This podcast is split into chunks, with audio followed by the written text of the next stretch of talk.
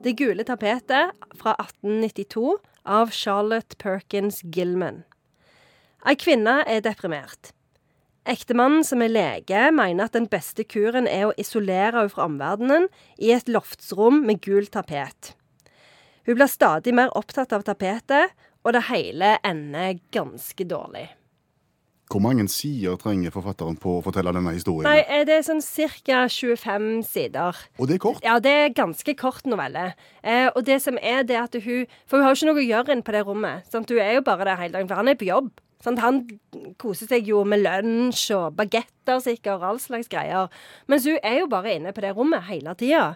Og så eh, eh, blir hun veldig opptatt av tapeten, da. Til å begynne med så syns hun han er veldig sånn stygg, og sånn, men så begynner hun å se at det er ei sånn kvinne som rører seg bak tapeten. Så hun blir veldig opptatt av å, av å frigjøre denne kvinna, da, som er innestengt bak Hun, hun begynner å bli galen, med andre ord. Hun gjør det. begynner å bli skikkelig galen. Er du deprimert, så er jo resepten å sette folk i isolat. Det har jo vist seg å være en suksessformel mange ganger. Ja. Men sto gul tapet veldig sterkt på 1800-tallet Nei. da boka ble skrevet? Nei, eh, det gjorde ikke det. Men, eh, men, men dette, her, dette er et gammelt sånn barnerom, så det er veldig sånn, er liksom sånn De har spikra sånn planker foran eh, vinduene og og liksom, Det er mye sånn, det er ganske sånn dårlig forfatning, hele dette rommet. Så jeg skjønner ikke helt hvorfor de velger akkurat å bo der. Men dette er en novelle, dette er ikke en roman.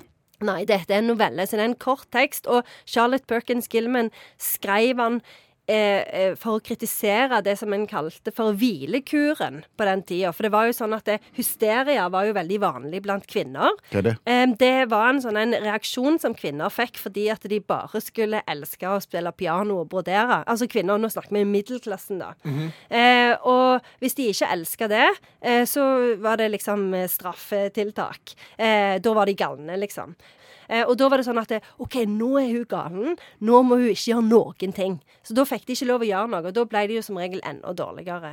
Så, så eh, eh, For, for det, psykiatrien, de klarte jo egentlig ikke å forholde seg til kvinner i det hele tatt. Altså, de, de trodde jo det var livmora, liksom. Sannsynligvis er det livmora. Ja, I ni av ti tilfeller så er det jo det. Så de visste jo hva det var. Og har du problemer med livmora, da lever det ting bak tapeten. Ja, eller har du problemer med livmora, da må du ligge helt stille hele dagen. Ja, ja. Ja. Hvordan går det med henne til slutt? Nei, det går jo kjempedårlig. Eh, men det som skjer, det er at hun, hun Mannen kommer inn eh, fra hjem fra jobb, eh, og så eh, har hun blitt helt galen. Så springer hun rundt og rundt i rommet og så river ned tapeten og så sier at hun har frigjort kvinnen bak tapeten. Og da besvimer han. Det er jo mange som tolker det som en litt sånn positiv Altså hun har blitt, li- li- på en måte blitt fri. Altså Det er jo noen sånne litteraturteoretikere som sier at det er tre måter kvinner kan bli frie på i 1800-tallstekster. Enten så, så eh, tar de livet av seg, eller så stikker de av, eller så blir de galne. Så hun har på en måte blitt fri gjennom galskapen. Er det egentlig hun sjøl som er dama i tapeten? Ja, det er egentlig hun sjøl. Nå nå snakkes vi. Dette er veldig sterkt, Per Øystein. Nå skriver jeg en sånn Nå får du en liten stjerne i den boka som jeg har. Er det et berømt sitat fra novellen? Ja. Det er dette. Men jeg må si det jeg tenker og føler. Det er sånn en stor lettelse. Å rive ned tapeten? Nei, grunnen til at du river ned tapeten, er jo at du ikke får lov å si det hun tenker og føler. Så det at hun sier at jeg må få sagt det jeg tenker, og jeg må få tenke det jeg vil. Nå har du sittet stille og observert en stund her, så nå tror jeg du vil være i stand til å kunne oppsummere denne novellen ganske fint for oss. Ja, eh, galne folk må settes eh, på loftet og kikke på tapet. Og så har jeg jo lært at loft sto jo veldig sterkt i litteraturen på, på 1800-tallet. Altså Jane Eyre, der sitter det ei galen dame på loftet.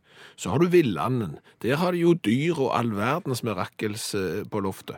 Og har du da ei, kone som har sliter med livmora og må ligge strekk ut, eh, hvor henne da?